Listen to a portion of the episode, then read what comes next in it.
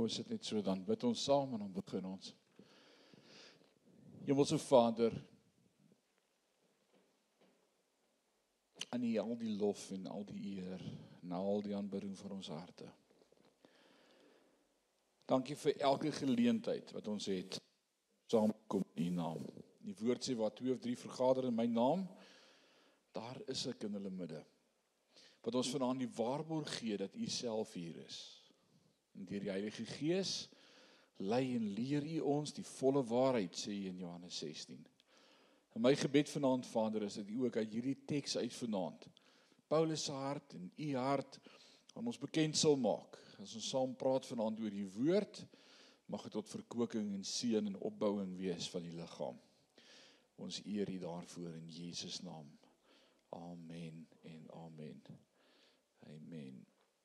Ons is in 1 Korintiërs 16 en dis ons 29ste Woensdag aand hierdie jaar uit Eerste Korintiërs uit. Nou kyk as dit nou nie genoeg is nie, weet ek nie. So gaan ons draai vir 30 of gaan ons klaarmaak? Kom ons kyk wat gebeur vanaand. Kom ons kyk wat gebeur vanaand uit Eerste Korintiërs uit 16 en ons begin in vers 1. Ek gebruik die nuwe lewende vertaling. Jy kan enige vertaling gebruik. Die beste vertaling natuurlik is daai een wat jy het. Lees hom net. Alraight. Moenie nie Bybel lees omdat jy nie die regte Bybelvertaling het nie. Lees die een wat jy het. En hoe meer vertalings jy saam kan lees, hoe beter. En ek sê vir ons studente, ek lees eerder een vers uit 5 vertalings as 50 verse in een vertaling. Maak seker jy maak elke vers vas in jou hart aan die laatkommers aan die pad van Port Elfred af baie welkom. Kry vir julle koffie en koekies. Kry asseblief vir julle. Die sop is ongelukkig klaar. Right. As hy deur koud en oop is daar Sandra dan maak jy hom toe asseblief voor. Good. Welkom. 1 Korintiërs 16 en ons begin by vers 1 wat die geld betref. Nou dis nou nie iets waaroor jy baie in kerk praat nie, is dit? Geld. Party kerke praat net oor geld. Ons hoor die lidmate sê dit. Die pastoor het al weer oor geld gepraat. Nou ek gaan nie vanaand oor geld praat nie. Ons gaan hoor wat sê Paulus van geld.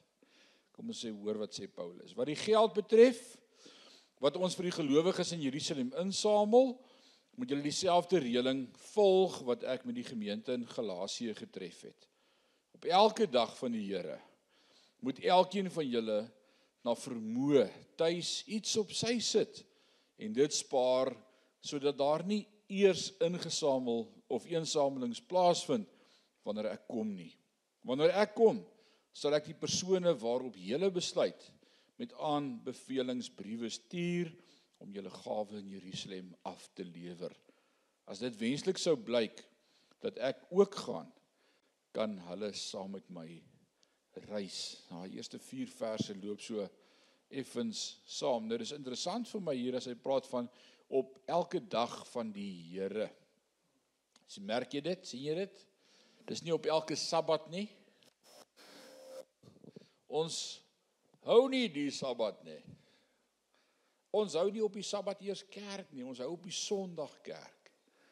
En ek dink dis een van die goed wat uh, in ons dag waaroor ek lately baie gekonfronteer word met van ons ander vriende in die dorp wat nie op die Sondag kerk nie, maar op die Sabbat kerk hou, is hoe kom hou julle nie die Sabbat nie, die dag van die Here? Hoe kan julle sê julle is lief vir die Here en julle hou nie eers die dag van die Here nie? Sê ek my Bybel leer my elke dag is die dag van die Here wat die Here gemaak het. Ons is vanmôre met ons vroue bid hier in Hebreërs 8 gewees wat net weer vir ons leer dat God ons vrygemaak het van die ou bedeling en 'n nuwe beter verbond met beter beloftes vir ons gegee het. In die ou verbond was dit die hoëpriester wat een keer 'n jaar ingegaan het en geoffer het. In die nuwe verbond is Christus op die regterhand van God die Vader op die troon waar hy vir ons voorspraak doen dag en nag. die ou bedeling was daar 'n offer wat die hoëpriester moet bring. 'n Nuwe bedeling sê Christus, ek was die offer en is genoegsaam vir altyd. Daar's nooit weer 'n offer nie, is klaar. Dis by verre beter. In die ou bedeling was dit die Sabbat. 'n Nuwe bedeling, verhouding met Christus. Nou wil ek gou die vraag vra vir jou. Ek wil kyk hoe slim is julle vanaand. Wie die dag van samekoms vir die gelowiges geskuif van die Sabbat af na 'n ander dag toe?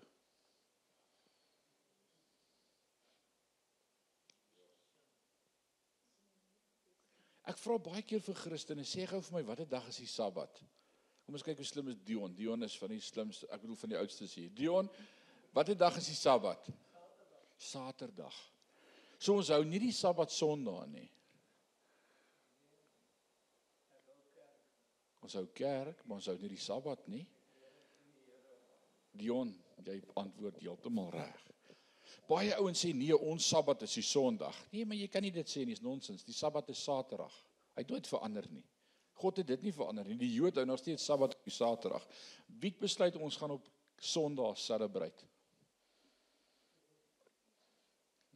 Op watter dag staan Jesus op uit die graf uit? Sondag. Hy volgende Sondagoggend toe kom die disippels bymekaar toe sê dis 1 week nadat hy opgestaan het. Kom ons celebrate sy opstanding. Hy leef. Watter dag kies Jesus om Pinkster te laat uitstort op aarde? Sondag. Snaaks dat hy nie die Sabbat gehou het en dit op 'n Sabbat laat gebeur het sodat die Jode kon sê die Sabbat is die heilige dag nie. Dis asof Jesus opsetlik die hele rotine van die ou tradisie omverwerp en sê doen dit anders. Is dit nie awesome nie? So hou ek die Sabbat Sondag? Nee. Maar ek hou Sondag as die dag van die Here waarop hy opgestaan het. Dis die samekoms van die heiliges, dis 'n onderlinge byeenkomste en die Here is daar. Maar ons hou nie die Sabbat nie. Ons is nie Sabbateërs nie, ons is vry, ons is nuwe wet. Willie, was ek 'n Jood? Was jy 'n Jood? toe jou hart vir die Here gee, jy 'n Jood geword. Party doen besigheid soos Jode. Maar ek het nie 'n Jood geword nie. Ek is nie 'n Jood nie, ek was 'n Hollander. Ek was 'n verlore heiden. En toe ek my hart vir die Here gee, toe word ek deel van die kerk van die Here Jesus Christus. En die kerk het nooit Jode geword nie. Die Jode is nog steeds daar. Hulle hou nog steeds die Sabbat. Ons het hulle nie vervang nie. Ons glo nie in vervangingsteologie soos onder andere die NG Kerk nie. Dis deel van wat hulle glo. Dis vervangingsteologie en daarom ook die klein doop. Het jy dit geweet? Die klein doop is in die teken van die besnydenis want met die teken van die doop word die kind deel van die verbondsvolk van Christus. Ek en jy is nie deel van die verbondsvolk nie. Ons is deel van die kerk van die Here Jesus Christus ons was heidene, hy het ons gered deur genade en ek word deel van die liggaam van Christus, maar ek word nie 'n Jood nie. God is nog steeds besig om te deel met die Jode. En waar gaan hy met die Jode vir die laaste keer deel vir 7 jaar in nie? 7 jaar verdrukking, ons noem dit die groot verdrukking. Interessant. So Paulus skryf vir die gemeente oor wanneer hulle bymekaar kom en hy sê nie op die Sabbat nie. So hulle het ook nie op die Sabbat bymekaar gekom as Nuwe Testamentiese gemeente nie. Hy sê wanneer ek kom, sal ek die persone waarop jy besluit het met aanbevelingsbriewe stuur om julle gawe in Jerusalem af te lewer. So nadat Paulus die gemeente in Korinte aangemoedig het om getrou te werk, kan julle onthou hoofstuk 15, hy het gesê bly getrou tot die einde, ek bemoedig julle. Nou gee Paulus hulle 'n praktiese geleentheid om dit te doen deur finansiëel by te dra tot die werk van die Here. Spesifiek Paulus het geld ingesamel om aan die gelowiges in Jerusalem te gee wat die gevolge van die hongersnood in die streek gevoel het. In die lig hiervan het Paulus aan die Korintiërs gesê: "Wanneer julle bymekaar kom, bring geld in verhouding tot die Here se voorsiening vir julle." Dit was die verstaan gewees. Maar nou is die vraag: "Hoeveel moet ek bring?" Moet ons elkeen 10 rand bring? In verhouding met dit waarmee God jou bless. Ons kan nie sê lidmaatskap in die gemeente kos R1 nie. in verhouding met dit waarmee God jou bless en ek glo persoonlik en is sterk van hierdie opinie dat dit verteenwoordig niks anders as die tiende nie. Ja, die tiende word in die Ou Testament as wetties vereis. En ek het al met 'n paar ooms en tannies in my bediening uh lekker gesprekke gehad wat vir my sê tiende gee is Ou Testamenties. Dan sê ek jy's halfpad reg. Maar net halfpad. Dit was ook in die Ou Testament 'n wet. Maar voordat dit 'n wet was, het Abraham al, nog voordat hy 'n Jood was of 'n Israeliet was, by Melchisedek uit dankbaarheid uit dankbaarheid uit vir wat God gedoen het, 'n tiende van sy goed aan Melchisedek geoffer. So die beginsel van offer is ver voordat die Ou Testament eers begin het. Dit was 'n verstaan van dit wat God vir my mee vertrou, wil ek vir hom 'n deel van teruggee. Kain en Abel Ons het net nou gepraat oor Kain en Abel toe ons begin het. Wat moes hulle gedoen het? Offer. Wat moes hulle offer? En hoekom moes hulle offer? Hulle moes 'n deel vir God teruggee van dit waarmee God hulle vertrou het. En Abel het sy beste gevat, sy beste lammers en sy beste vee. En nou Kain Ek het in die sonnaskool geleer, hy het die vrotperskes opgetel en vir die Here gebring. My sonnaskooljuffrou het dit vir my so laat onthou. Het jy dit vir jou kinders ook so vertel? Right. Hy sy hart was nie reg met God nie. Die gesindheid waarna hy kom offer het was nie reg gewees nie. So van die begin van die Bybel af, van die begin van die mensdom af lees ons daar was offers gewees. So boonop word tiendes in die Nuwe Testament gesien ook as deel van die Nuwe Testamentiese gemeente want alhoewel Jesus die Fariseërs aankla vir die verwaarlosing van die van die swaarder sake van geregtigheid en barmhartigheid sê hy nietemin dat hulle nie tiendes ongedaan moet laat nie. Matteus 23 vers 23 Jesus spreek hulle daaroor aan. As dit nie belangrik was nie sou Jesus mos niks gesê het daarvan nie. Right Wat sê Malagi 3 vers 8? Sal 'n man God beroof? Tog het julle my beroof sê God. Maar julle sê, waarin het ons u beroof? In tiendes en offergawes, sê die profeet. As ek nie tiende gee nie, beroof ek God. Die tiende is nie 'n geskenk wat ek aan God gee nie. Dis bloot 'n teruggee van dit wat reeds syne is. Ek glo alles in my beursie, alles in my sak, alles wat ek kry, behoort aan die Here. En ek sê Here, as alles aan U behoort, wil ek hierdie vir U teruggee om te sê dankie vir die res wat ek kan hou. En eintlik is daai 19es wat jy hou ook die Here se hoor. En daarom is dit belangrik om hoe jy daai 19es spandeer ook met die Here oor te praat. Want baie keer mors ons die Here se geld so. Dit is sê maar hierdie is ons my deel. Nee, dis ook God se deel. Wat Malagi 3 vers 10 sê, bring die hele tiende na die skathuis, dat daar spys in my huis kan wees. En beproef my nou hiermee spreek die Here van die leerskare.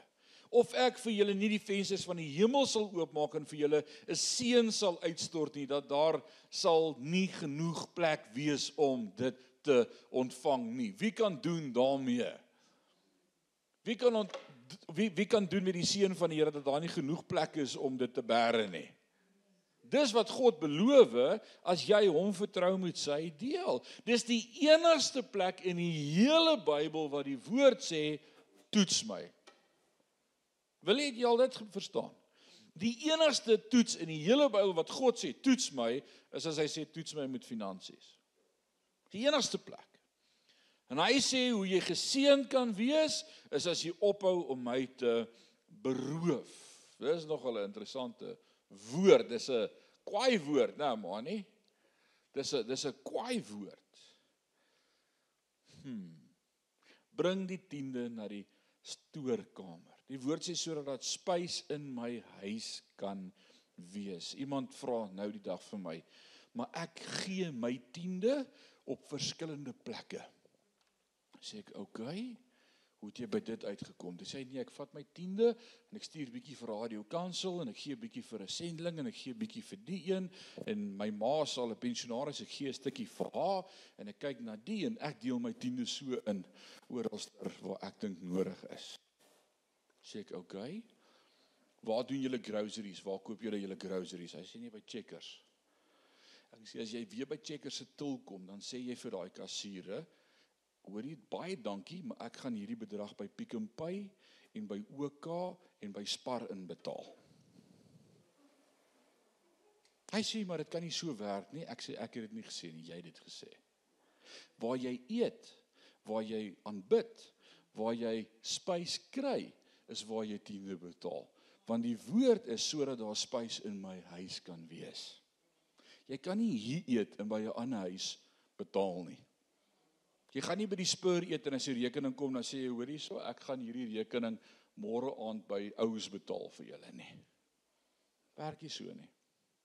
En ek dink dit is belangrik dat ons soms lering gee hieroor en hier's die geleentheid vanaand as Paulus in 1 Korintiërs 16 met hierdie gemeente praat en sê daar's 'n geleentheid vir julle om te gee vir die werk van die Here, maar julle is besig om God se koninkryk te beroof want julle gee nie.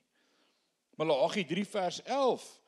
En ek sal die eter om julle ontwil bestraf, die sprinkaan, die een wat die oes verwoes. Sal ek om julle ontwil bestraf en hy sal die vrugte van julle land nie vernietig nie en julle wingerdstok sal sy vrugte nie voor die tyd in die veld gooi nie, spreek die Here van die leerskare. God sal nie net diegene seën wat tiende betaal nie, maar hy sal die sprinkaan bestraf wat die oes opeet, die ander 9 dele wat oorbly. Nou wil ek 'n persoonlike getuienis gee in my eie persoonlike lewe, my persoonlike storie. Daar was 'n tyd in my en my vrou se lewe wat ons deur diep water gegaan het. Ons het ek het self betaal vir my studies. Sy was nog besig om om om ekstra te studeer. Ons het vir ons eie studies betaal. Op daai stadium het ons werke verander en ons finansies was tight. Ek kon nie my volle tiene betaal nie.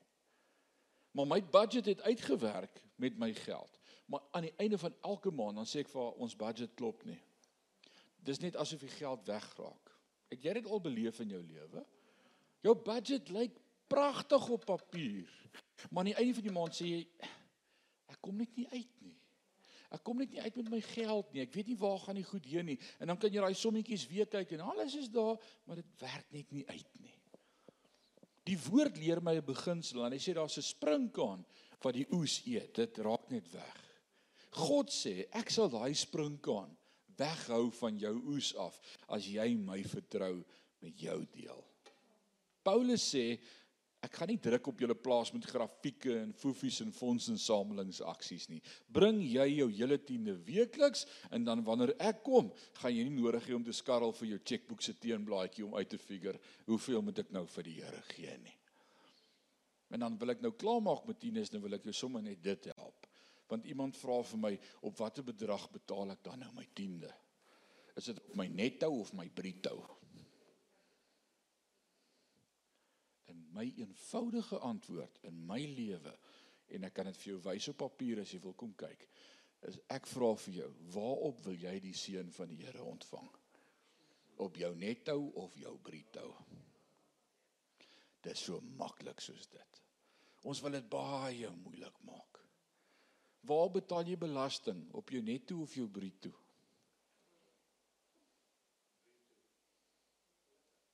Waarna kyk die taks ou vir jou? God sê, gee die keiser wat hom toekom, maar gee vir my wat aan my behoort. En dan sê ons, Here, hier's my belastings betaal en alles is afgetrek en alles great, hierdie kry ek uit, nog net my huis betaal. Okay, hierop gaan ek tiende betaal. Jy is deel van die Here. Okay, kom ek gaan aan. 1 Korintiërs 16 vers 5. Dit raak net doodstil vanaand. Hy sê ek sal na julle toe kom nadat ek deur Macedonië gereis het. Ek reis deur Macedonië en sal miskien by julle vertoef of dalk selfs oorwinter. Dan kan julle my help na my volgende bestemming waar dit ook al mag wees. Ek wil julle nie nou bloot in die verbygaan sien nie, maar ek hoop om 'n rukkie by julle deur te bring as die Here my sal toelaat. Nou hier's 'n interessante ding wat ons vanaand weer eens gaan sien en ons gaan vanaand 'n paar van Paulus se karaktereienskappe meer te doen kry van sy mens, wie hy was as individu. Alraight. Hoe hoe het Paulus gelyk as persoon? Sy fisieke. Weet julle? Was hy 'n groot sterk man gewees? Hoe het hy gelyk? Dion was 'n klein, kort, kromneus Jood. En effens sieklik gewees. Alraai, 'n regte tipiese Jood figuur. Dit wat jy daar in Israel sal sien. Hy was nie 'n sterk man gewees nie. Maar ons sien 'n paar van sy karaktereienskappe en trekke wat uit hierdie briewe uit vir ons na vore spring. Alhoewel dit Paulus se plan was om in Korinthe te oorwinter voordat hy na Jerusalem reis, voeg hy 'n baie belangrike frase by wanneer hy sê as die Here dit toelaat en dis vir my mooi. Dit spreek vir my van iemand wat die kind van die Here God in sy lewe erken en sê as die Here dit toelaat. Jakobus leer dit vir ons. Hy sê julle wat sê, nou moet ek mooi dink hoe sê Jakobus dit. Hy sê julle wat sê volgende jaar reis ek hiernatoe of volgende week sal ek na hierdie stad gaan en 'n jaar daar deurbring en allerlei dinge doen. Hy sê sê eerder as die Here wil. ons skryf dit dan sê ons DV. Die jong manne vra nou die dag vir my waarvoor staan DV? Wie weet waarvoor staan DV? En waarvoor staan Dio Valenta? As die Here wil. As die Here wil, gaan ek môre dit doen. As die Here wil, beplan ek om dit te doen. Spreuke sê vir ons vertrou op die Here met jou hele hart en steun nie op jou eie insig nie. Ken hom in al jou weë en hy sal jou paie gelyk maak. En ons sê so baie keer, "Jong, ek gaan dit doen of ek wil dit doen." Ons hou die Here heeltemal uit dit uit. Die ou mense het altyd gesê as die Here wil. Ek het groot geword met 'n oupa en ouma wat die heeltyd gesê het as die Here wil. Dit was die heeltyd in my ore. En daarom is 'n man of vrou wat wys is sê altyd as die Here wil. Dit is die manier waarop die dag beplan word of die week uitloop of 'n week beplan word en 'n dagboek opgetrek word, is altyd met die gedagte God kan enige oomblik iets anders doen as wat ek beplan het. Wie van julle hou van dagboeke en beplannings? Wie sterk op beplannings en dagboeke? Steek gou jou hand op. Alraai. Wie like dit nie as hulle dag omgekrap word nie? Alrite, S. Kom ons pik op jou vanaand. Dis pik op S aand. S sê sy like dit nie as haar dag omgekrap word nie. As ek, ek was so gewees. Vra die ouens hier by die kerk, as hier skielik iemand opdaag uit die bloute wat die pastoor wil sien, dat ek dit nie beplan nie. Ek's besig. Maar as ek my dag beplan met die gedagte God kan enige oomblik in hierdie dag doen wat hy wil doen. Dan gaan ek nooit onkant gevang word met iets wat gebeur nie. Want my dag is in die hand van die Here. En God kan hom onderbreek soveel as wat hy wil, wanneer hy wil, hoe ook al hy wil. En ek het gevind dat as ek verwag om goddelik onderbreek te word deur enige oomblik van die dag, daardie situasie of daardie onderbreking of gebeurtenis nog steeds 'n glimlag op my gesig sit en nie my appelkar omkeer oor dat ek dit nie gesien kom het nie. My dag is in die dag en is in die hand van die Here. Maar 'n onverwagte onderbreking op 'n dag kom wanneer ek my skedule in klip skryf en dan sê pas op, dit beter net so gebeur. Wanneer jy 'n vakansie beplan en jy sê ons gaan so laat daar wees en so laat daar wees en so laat daar wees. Het jy al agtergekom dit werk nooit so uit nie? Jy maak net jou eie seune wees klaar. Hou op, jy maak die ouens om jou ook moeg. Niemand sê nou amen nie. Verwag om gepla te word en jy sal nooit gepla word nie. Vers 8 sê: Intussen bly ek in Efese tot Pinkster Want hier staan nou 'n wye deur vir my oop en daar is baie mense wat op die evangelie reageer. Daar is egter ook baie teenstanders. Dis vir my nog 'n mooi karaktereienskap. Paulus was nie 'n optimis of 'n pessimis nie, hy was 'n realis. Ons moet meer realisties word. Hy sê ek gaan na Efese, daar's 'n groot deur vir my oopgemaak, maar daar's net so baie teenstand. Dis die realiteit. 'n Optimis sal sê moenie so praat nie. Moenie sê daar gaan teenstand wees nie. Joel Osteen sou nou nie gehou het van Paulus se opmerking dat daar teenstand is nie. Hy sou gesê het praat net positief. Moenie so sê nie. Ouens amper sê ek nou iets. Alraight. 'n Pessimis sou gesê het ek weet nie of God hierdie deur oopgemaak het nie want daar's teenstand. Daar's weerstand en ek hou nie van weerstand nie. 'n Realis sê God maak deure oop en dan gebeur daar goed wat nie lekker is nie. Beteken dit nie God is nie by my nie. Want sy woord sê hy's altyd by my. Dis nie 'n barometer in my lewe of God daar is of nie daar is nie. Al loop dinge skeef, is God nog steeds daar. En Paulus was 'n realis. So hy erken God in elke dag. Hy sit sy hand in God se dag vir die beplanning. Hy sê as die Here wil en hy's realisties want hy sê alhoewel daar 'n oop deur is, is daar ook baie teenkanting, baie teenspoed. Vers 10 sê as Timoteus by julle aankom, help hom om met volle vrymoedigheid by julle op te tree. Hy doen die Here se werk net soos ek. Kyk dat niemand hom intimideer nie en help hom om sy reis voorspoedig voort te sit op pad na my toe. Ek verwag hom saam met die ander broers. Nou kom ons leer bietjie iets van Timoteus hier uit wat Paulus gesê het. Dit lyk vir my Timoteus was 'n bietjie skamerige ou gewees. Hy's maklik geïntimideer. Wie van julle voel maklik geïntimideer? Ek dink nie is een van julle nie. Ek ken julle almal redelik. Maar jy as iemand maklik geïntimideer voel, as iemand anders opstaan en vertrek en dink jy ooh Ek het nou eendag gesê as twee ouens in die hoekie staan en, en saam praat, beteken dit nie hulle is kinders van jou nie. Nee, jy's geïntimideer. Jy dink almal praat van jou en almal dink sleg van jou en almal uh, dink as jy skram sak op die rugbyveld, hulle praat van jou. Hulle praat nie van jou nie. Alraight. Hulle het belangriker dinge waaroor hulle moet praat. So waarom sou Paulus vir die Korintiërs sê dat hulle nie Timoteus moet verag nie of min van hom dink nie omdat Timoteus fisiek swak was. Ons lees dit in 1 Timoteus 5 vers 23 waar Paulus vir hom skryf.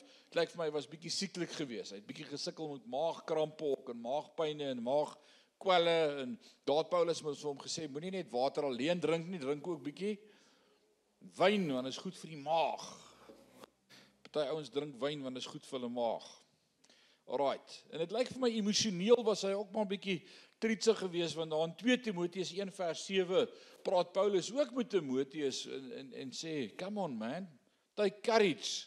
Moenie so minderwaardig voel en skaam voel en dink almal praat van jou nie. En tog het Paulus in hom 'n hart vir die koninkryk gesien en hier's vir my 'n interessante ding. Goeie leiers in die koninkryk is nie altyd die ouens wat ons sou kies om leiers te wees in die koninkryk nie. Dink bietjie daaroor. Is nie altyd die reuse en die ouens wat vlot praat en die ouens wat sterk is en die ouens wat die vermoë het om te kan redeneer en intellektueel skerp en slim is, God gebruik baie keer juis hierdie ander ouens. Want dis wanneer die Heilige Gees deur ons werk wat hy die verskil maak. Daarom sê die woord God slaan 'n reguit hou met 'n kromstok. Waar staan dit? Dis 'n spreekwoord. Dit staan nie in die Bybel nie. Wil jy daai versie neerskryf? Nik staan nie in die Bybel nie. Maar ons weet dis hoe God werk. Dis maar net 'n 'n gesegde wat ons het in die kerk om te sê dis hoe God werk. Te midde van die kromstok kan God nog steeds sy regheid hou slaan. Hy sê ek breek nie die geknakte riet nie en ek dof nie die dowwe lamp sal ek nie uitblus nie. Ek gebruik hulle. Ek werk met hulle. Alraight. So Paulus sê moenie dat jou gawes slymer weens jou uh jou jou jou jonkheid nie, moenie moenie moenie kyk na jou jonkheid nie, moenie dit verag nie. En hy sê in 2 Timoteus 1:6, maar wek die gawes in jou op. Met ander woorde, kyk vir jouself in die spieël en praat met jouself, encourage jouself, bemoedig jouself. En Timoteus het die potensiaal wat Paulus in hom gesien het, gestand gedoen en 'n reus in die kerkgeskiedenis geword. Dis wanneer ek myself begin sien soos wat God my sien. En nie soos wat ek lyk nie. Sien jouself soos wat God jou sien. Dis vir my so mooi van Dawid. Dis Dawid se storie, is dit nie? Dawid het 'n klomp broers en die profeet kom en en en Jesse bring al sy seuns en die profeet een vir een kyk hy hulle deur kyk hy hulle deur kyk hy hulle deur en dan sê hy mm, mm, dis nie een van hulle nie dan sê hy maar as jy seker God het gesê hy gaan een van my seuns salf as koning dan sê hy God het my gestuur is een van jou seuns maar as nie een van hierdie nie dan sê hy dit kan nie wees nie dan sê die profeet het jy nie dalk nog 'n seun nie dan sê hy Ja, Dawid, maar Jesus, dit kan nie hy wees nie. So rooikop sproetlaai dit daar in die veld. Hy pas skape op. Hy's nie baie slim nie. Uh uh. Baie sterk nie. Kan nie Dawid wees nie. Is jy seker? Vra weer vir die Here. En dan sê maar roep bietjie vir Dawid en as Dawid inkom, dan sê die profeet, dis die man van die Here. Wat vir my sê God gebruik soms juis die ouens wat ons gedink het kan nie hy wees nie. Kan nie hy wees nie. Vers 12. Wat ons broer Apollos betref, en ons gaan weer lees van Apollos in die woord, wat my broer Apollos betref, ek het sterk by hom aangedring om saam met die ander broers na Here toe te kom. Maar hy het glad nie kans gesien om nou te kom nie. Hy sê hy sal kom wanneer die tyd daarvoor reg is. Het hy toe gekom? Wat het met Apollos gebeur? Kan julle onthou? Alraight. Ja, ek dis dis uh, julle huiswerk vraag 1. Wanneer het Apollos toe gekom? So, al het Apollos 'n aanhangersklap in Korinte gehad. Hy was ook 'n bedienaar van die woord en baie van die gemeente in Korinte het van Apollos gehou. En nou hier's iets mooi van die karakter van Paulus wat ek leer. Al het van die gemeente meer van Apollos gehou as van Paulus, want Paulus was bietjie bland regheid op die man af om om verskoning gevra. Hy het gesê soos dit is. Hy het nie ge-worry hoe dit val nie. Hy het net gesê dis wat die Here sê. En tog was Paulus gretig dat hy ook moes kom. Paulus het Apollos nie as 'n mededinger of kompetisie beskou nie wat 'n verdere bewys is van Paulus se volwassenheid. Hy het ander ouens in die koninkryk ook gesaluut as medewerkers in die koninkryk. Dis vir my 'n mooi eienskap. Ha? Hy hy hy was nie in Apollos se skade weer nie en Apollos ook nie in sy skade weet nie. Hy het ruimte gemaak vir mekaar. Nou 1 Korintiërs 16 vers 13 is 'n vers wat elke kind van God in hierdie tyd waarin ons leef nog meer moet vashou as ooit vantevore. Hier kom 'n mondvol kort kragtige opdragte. Die eerste een wees waaksaam. Dis maklik om te onthou. Wees waaksaam. Hier is jou vers vir die week. 1 Korintiërs 16 vers 13. Dis 1 2 3 4 opdragte. 4 kort werkwoorde wat inspreek in ons lewe. Die eerste een wees waaksaam. Waar na moet ons kyk? Wat dink julle? Dalena, waarvoor moet ons kyk? Ah. Die woord sê die duiwel loop rond soos 'n brullende leeu om te kyk wie hy kan verskeer. Right, hy loop rond. So waarvoor moet ons kyk? 1 Petrus 5 vers 8 sê ons moet oppas vir die brullende leeu. Pas op vir dit wat die duiwel jou moeë wil pootjie. Want die duiwel probeer en poog om die swakkes onder ons te laat val, maar ook moet ons uitkyk vir die beloofde leeu vir die stam van Juda wat gaan terugkom. Dis ook deel van om waaksaam te wees. So 'n kind van God se lewe moet jy waak, met ander woorde jy moet onderskei en daarop attent wees. Ah, hierdie is die werke van die duiwel. Maar ek hou my oë op die leeu van Juda wat gaan kom. Ek moet waaksaam wees. Ek moet die heeltyd oplettend wees en kyk. Ons perspektief is so gebalanseer dat terwyl ons kyk wat om ons aangaan, moet ons ook kyk wat in die toekoms gaan gebeur en wanneer ons by Jesus gaan wees. Ons moet nie so gefokus wees op wat hier aangaan dat al wat jy die hele dag doen is op Google sit en sê, "Oh, jy gesien wat het nou weer gebeur? Oh, jy gesien wat het nou weer gebeur? Oh, jy gesien hoeveel het daai aardbewing gemeet?" Oh, het jy gehoor hiervan? Oh, het jy gesien wat doen die rand en die dollar? Ooh, het jy gesien wat gebeur met Biden? O, oh, het jy gesien wat sê Malema? O, oh, het jy dit gesien? Ag my liewe Malema. En party ouens se lewe leef hulle so. As jy met hom praat, is al waaroor hy kan praat is wat gebeur. Dis nie wat die Bybel bedoel as hy sê waak nie. Hoe weet ek dit? Filippense 4. Filippense 4 vers 4 sê Ons het dit gesing toe ons in die sonnaskool was, verbly jou in die Heer. Ek herhaal verbly jou. Hoekom? Dis altyd die vraag wat ek vir myself vra om die teks volgende te onthou as ek teks memoriseer. Dan vra ek vir myself, hoekom? Dit help my om by die volgende antwoord te kom. Die volgende vers sê, want die Here is naby. Hoekom kan ek bly wees in die Here? Hoekom kan ek sterk wees in die Here? Want die Here is naby. Hoe weet ek die Here is naby? Sy woord sê ek sal jou nooit begewe en jou nooit verlaat nie. Matteus 28 vers 20 sê, want ek is met julle al die dae van julle lewe tot aan die volëinding van tyd. Want ek is met julle, ek's by jou. Die Here is naby.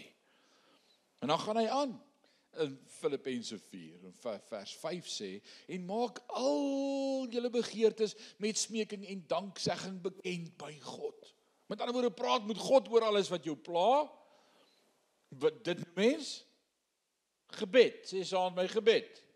Ek hoop jy gebed elke dag. Dis deel van jou verhouding met die Here. Praat met God oor alles wat jou pla. Nie met jou man of jou vrou of jou kinders of jou kleinkinders of die buurvrou of jou kollega wat saam met jou werk. Hoorie dat ek jou nog hiervan vertel nie. Nee, Paulus sê praat met die Here daaroor. Sê vir God alles wat jou pla en wat swaar is en moeilik is vir jou. En dan sê hy en die vrede van God wat alle verstande te bowe gaan sal julle hart en sinne bewaar in Christus. Wie gaan jou die vrede gee? Christus. En dan kom hy met die groot geheim. Bedink die dinge wat daar bo is.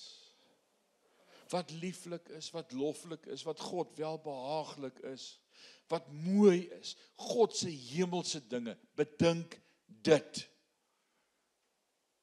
Dink nou gou-gou weer aan jou dag en waarmee jy jou opgehou het en wat jy bedink het. En hoeveel screen time jy gemors het oor om aardse goed te bedink. Wat sou Paulus vir jou sê? As jy 'n paar keer vandag oor jou skouer moes loer en kyk wat bedink jy? Sê vir jou sê waarmee is jy besig? Ha, geen wonder jy moet antidepressante drink nie. Hou op dink oor hierdie nonsens en begin God se dinge bedink. Sal dit daar nie heerlik wees nie? Dink aan God se dinge, dink aan die hemelse dinge. Alraight. So dis die eerste ding wat hy sê is week wees waaksaam. En dan die tweede ding vers 13b sê staan vas in wat julle glo. Dis 'n belangrike een om vir ons ouens te sê vanaand. Staan vas in wat jy glo. Kyk na 'n massiewe eikeboom. Wie van julle bly naby die rivier of naby die water selfs of wie 'n eikeboom in hulle tuin? Dis die mooiste groot boom. Ons het in ons agtertuin hierdie groot kareeboom en ons voor op ons sypaadjie is daar hierdie massiewe akkerboom. 'n Massiewe akkerboom. Hy was al massief toe ons 31 jaar terug in Parys ingetrek het. Toe was hy al massief. Nou moet jy weet hoe massief is hy nou. Is huge. Hierdie groot boom. En daai groot boom was niks anders as 'n neut wat in die grond geval het en besluit het om te groei nie. En hy toegelaat dat die water wat hy kry wortels na onder uitstoot en hy het na boontoe begin groei en hy het aangehou groei. En dis die geheim. staan vas in wat jy glo. Mense wat suksesvol is in enige poging het een ding in gemeen. Hulle is deel van die 1% mense wat klaar gemaak het wat hulle begin het. Statistiek sê net 1% van alle mense maak klaar wat hulle begin het. Vertel gou vir my vandag. Hoeveel van die goed wat jy vandag wou doen, het jy toe gedoen? Of het jy 'n week program of is dit 'n maand beplanning of is dit 'n jaar to-do list? Hoeveel van die goed wat jy vandag wou doen, het jy vandag klaar gedoen? Net 1% van alle mense sê dis afgehandel. Dis skokkend, is dit nie? Alraight. Net 1%. Verdere ding wat Paulus dan sê is wees moedig Wat beteken dit? Wees moedig. Wees moedig. Hoe sê jy Louis? Moenie terugduins nie. Hoe sê jy Johan? Die die direkte verstaan, kom ons kyk gou-gou daar want ek ek hou baie daarvan om dit te doen en dis Wie soek vir wie hier nou op 'n foon? Kom ons kyk. Kom ons kyk gou 1 Korintiërs 16 vers 13 sê die volgende: Be watchful, stand firm in the faith en dan sê hy dit so mooi sê act like men. Act like men.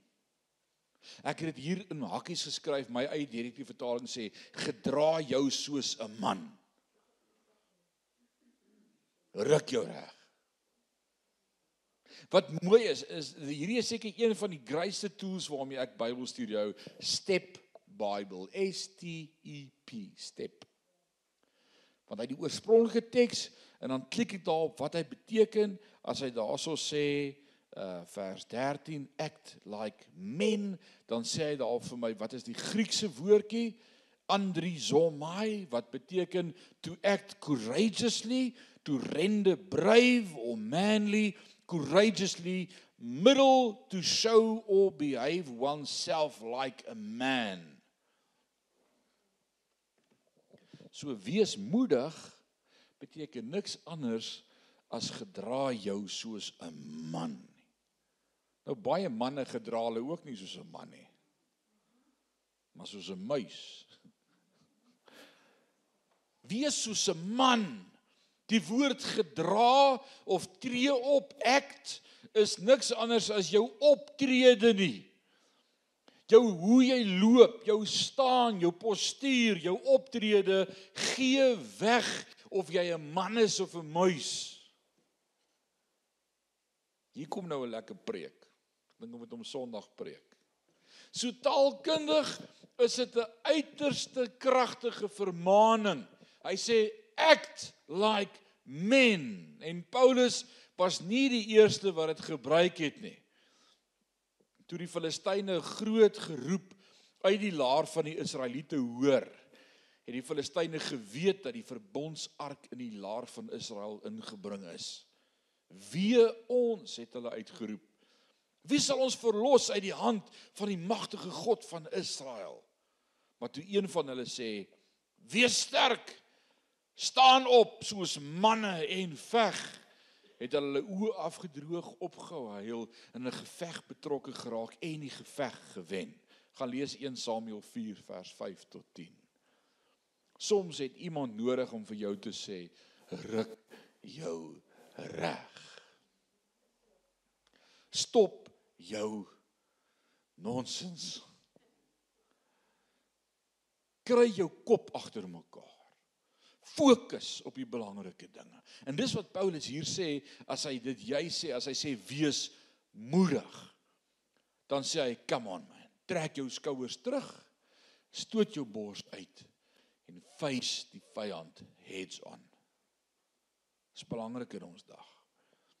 Christene wil wegduins en ons loop krom en ons is so jammer ons lewe en ons maak verskoning ook is so jammer ek offend jou en ek wil jou net nie offend nie en ek wil net nie iets sê wat jou gaan afronteer nie en as ek jou seer gemaak het is ek baie jammer ek het dit nie so bedoel nie.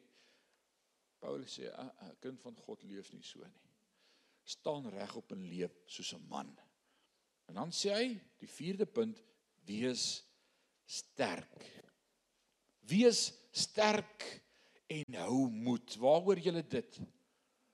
Waar in die Bybel het jy dit gehoor? Wees net sterk en hou moed.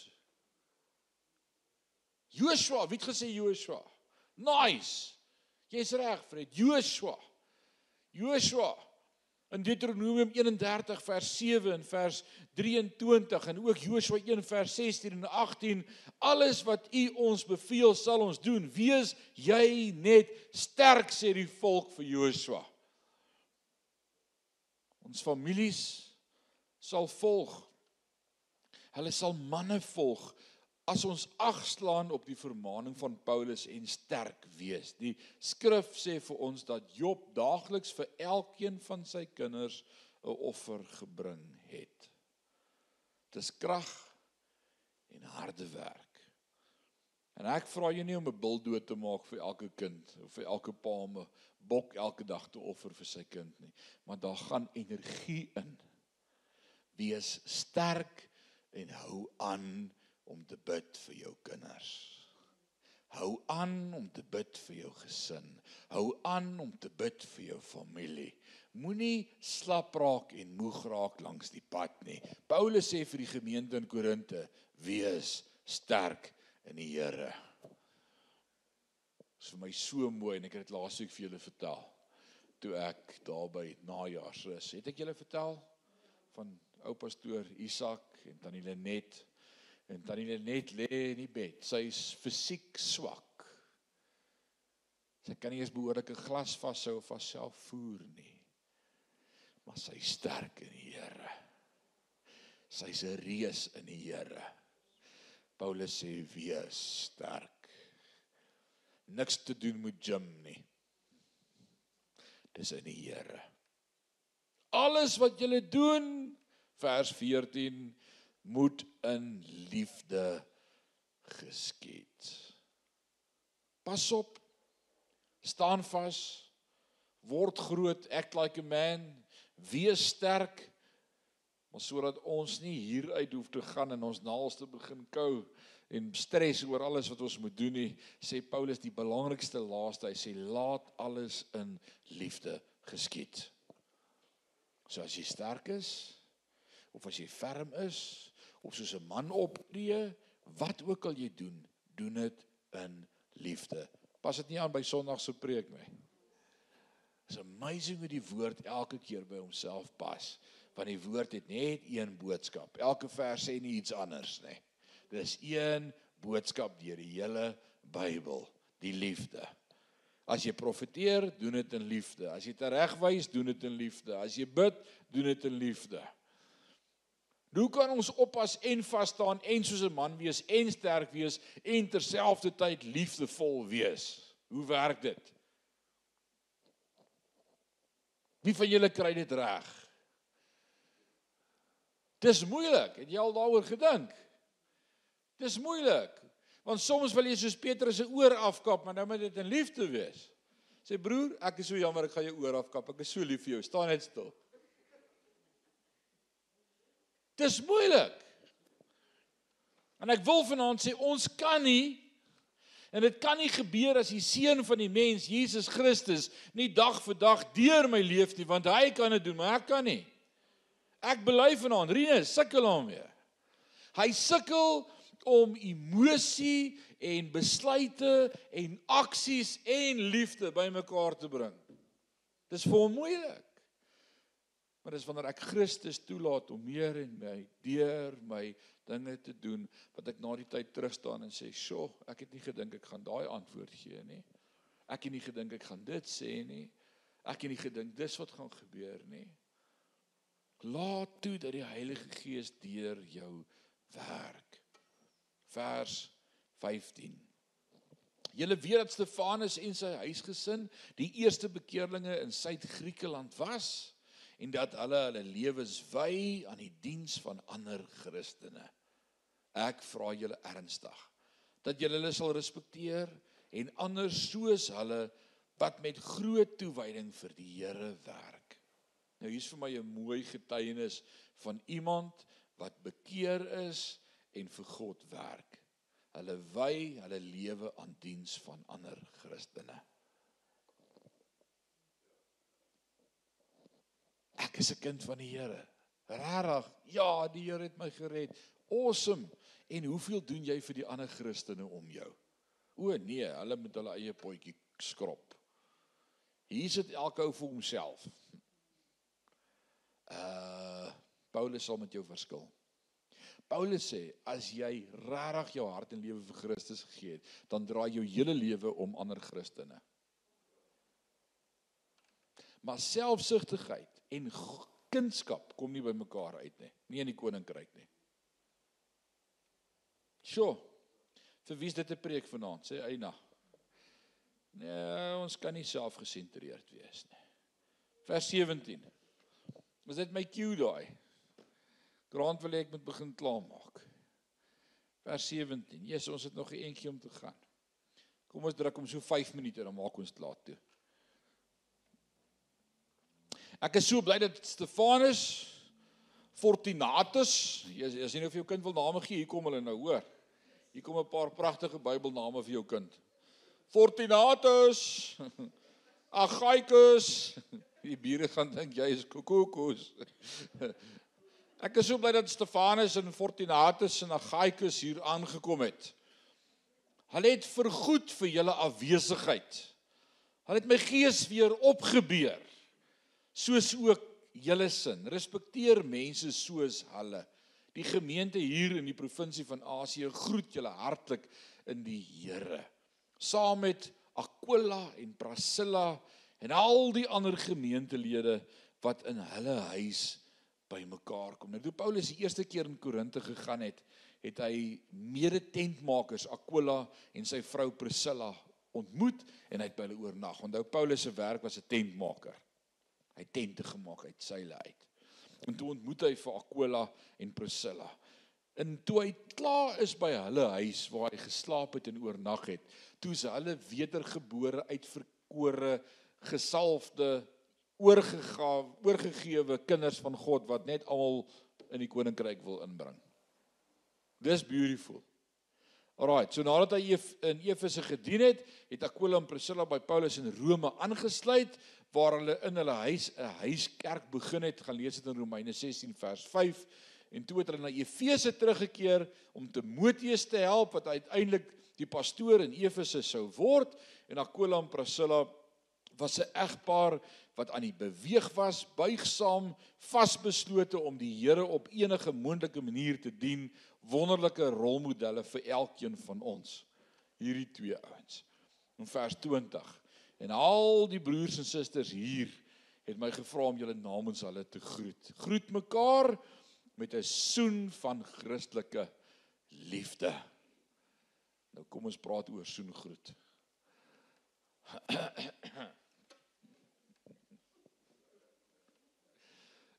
ek onthou as jong laaitie was dit seker die skerieste ding om voor kerk by die ou ooms verby te loop.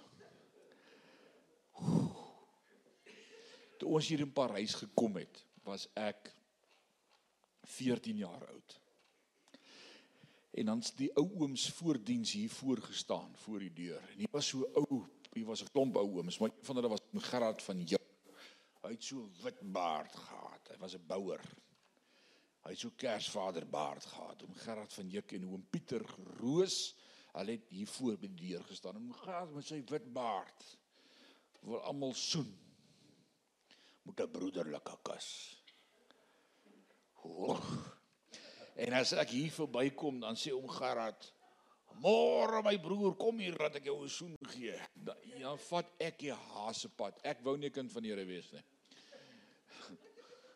So ek het daar by die agterdeur ingekom, daar. Of, of by die bidkamer sommer ingekom. Is dit wat die woord bedoel 'n broederlike kus?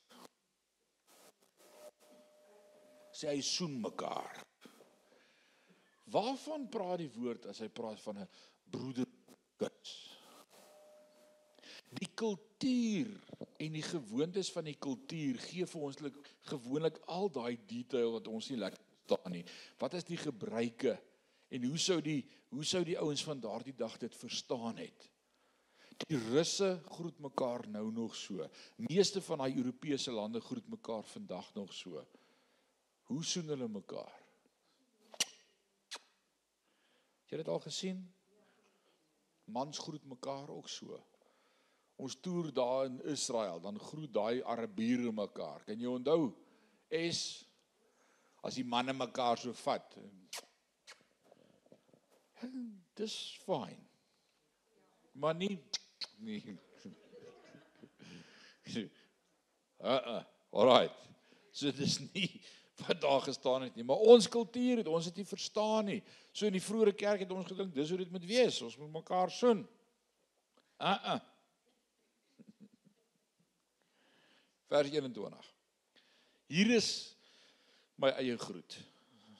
Ek is Paulus en ek skryf hierdie met my eie hand wat vir my sê dat hy hierdie boek 1 Korintiërs in my en jou Bybel nie self geskryf het nie maar laat skryf het gedikteer het iemand gehad het wat die pen vashou en skryf wat Paulus sê om te skryf en nou vat hy die pen by daardie persoon En hy sê hierdie wil ek in my eie handskrif skryf. Nou hoekom skryf Paulus nie die brief vir ons nie?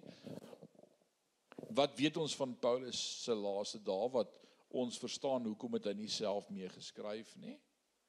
Sy oë het ingegee. Een van die ander briewe skryf op die einde kyk hierdie groot letters waarmee ek hierdie vir julle skryf. Alraai. So Paulus het nie meer alles geskryf nie, hy laat dit skryf. En hierdie skryf hy self. Hierdie skryf hy self. Dis belangrik. Hy sê hier's my eie groet. Ek is Paulus en ek skryf dit met my eie hand as iemand die Here nie liefhet nie. Laat hom vervloek wees. Kom ons Here wat niks anders beteken as die woord Maranatha nie. Twee groot goed wat hy in sy eie hand met sy eie woorde self wil skryf. Die eerste ding is as iemand nie die Here liefhet nie, is hy 'n vervloeking.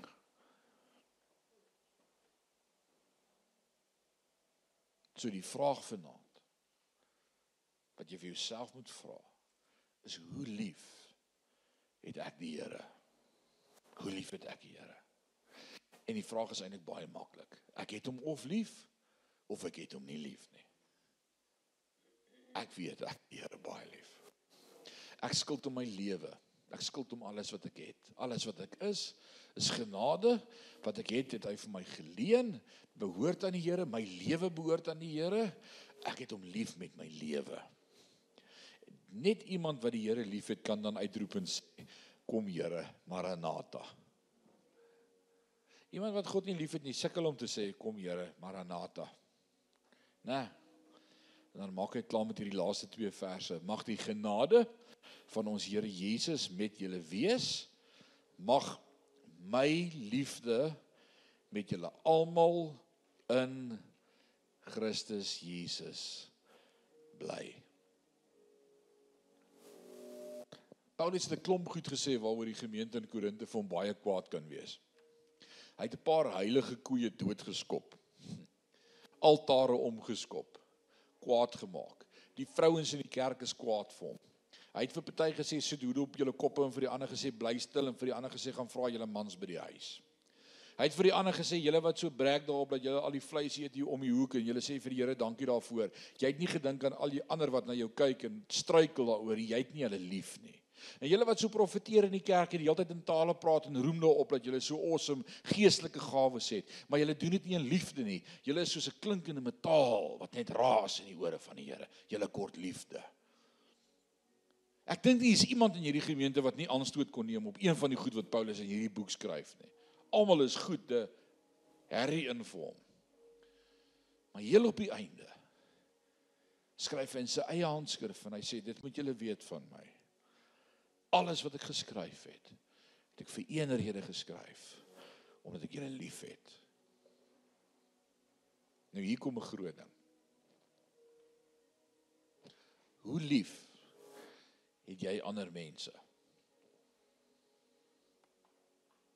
Het jy iemand lief genoeg om die waarheid en liefde vir hom te vertel?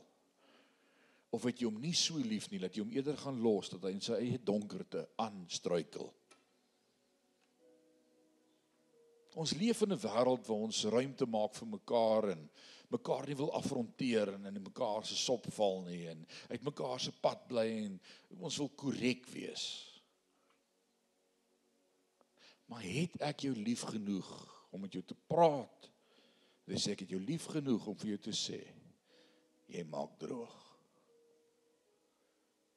En ek dank die Here dat hierdie vers, die laaste vers is waarmee hierdie boek klaar maak mag my liefde met julle almal in Christus Jesus bly. Alles wat ek gesê het in hierdie boek was omdat ek lief is vir julle. Hoeveel goed sê ek en jy uit woede uit of uit frustrasie uit of uit die eie ek uit of op daai ingewing van die oomblik dalk my hier meer en ek vlieg van my handles af of my springhak uit en ek sê iets waaroor ek spyt is na die tyd. Paulus sê ek het niks waaroor ek hoef ekskuus te sê nie. Want alles wat ek gesê het, het gebeur omdat ek julle liefhet. Hmm, dit laat 'n mens dink, né? Kom ons bid saam. Vader, dankie vir u woord. Dankie vir die voorbeeld.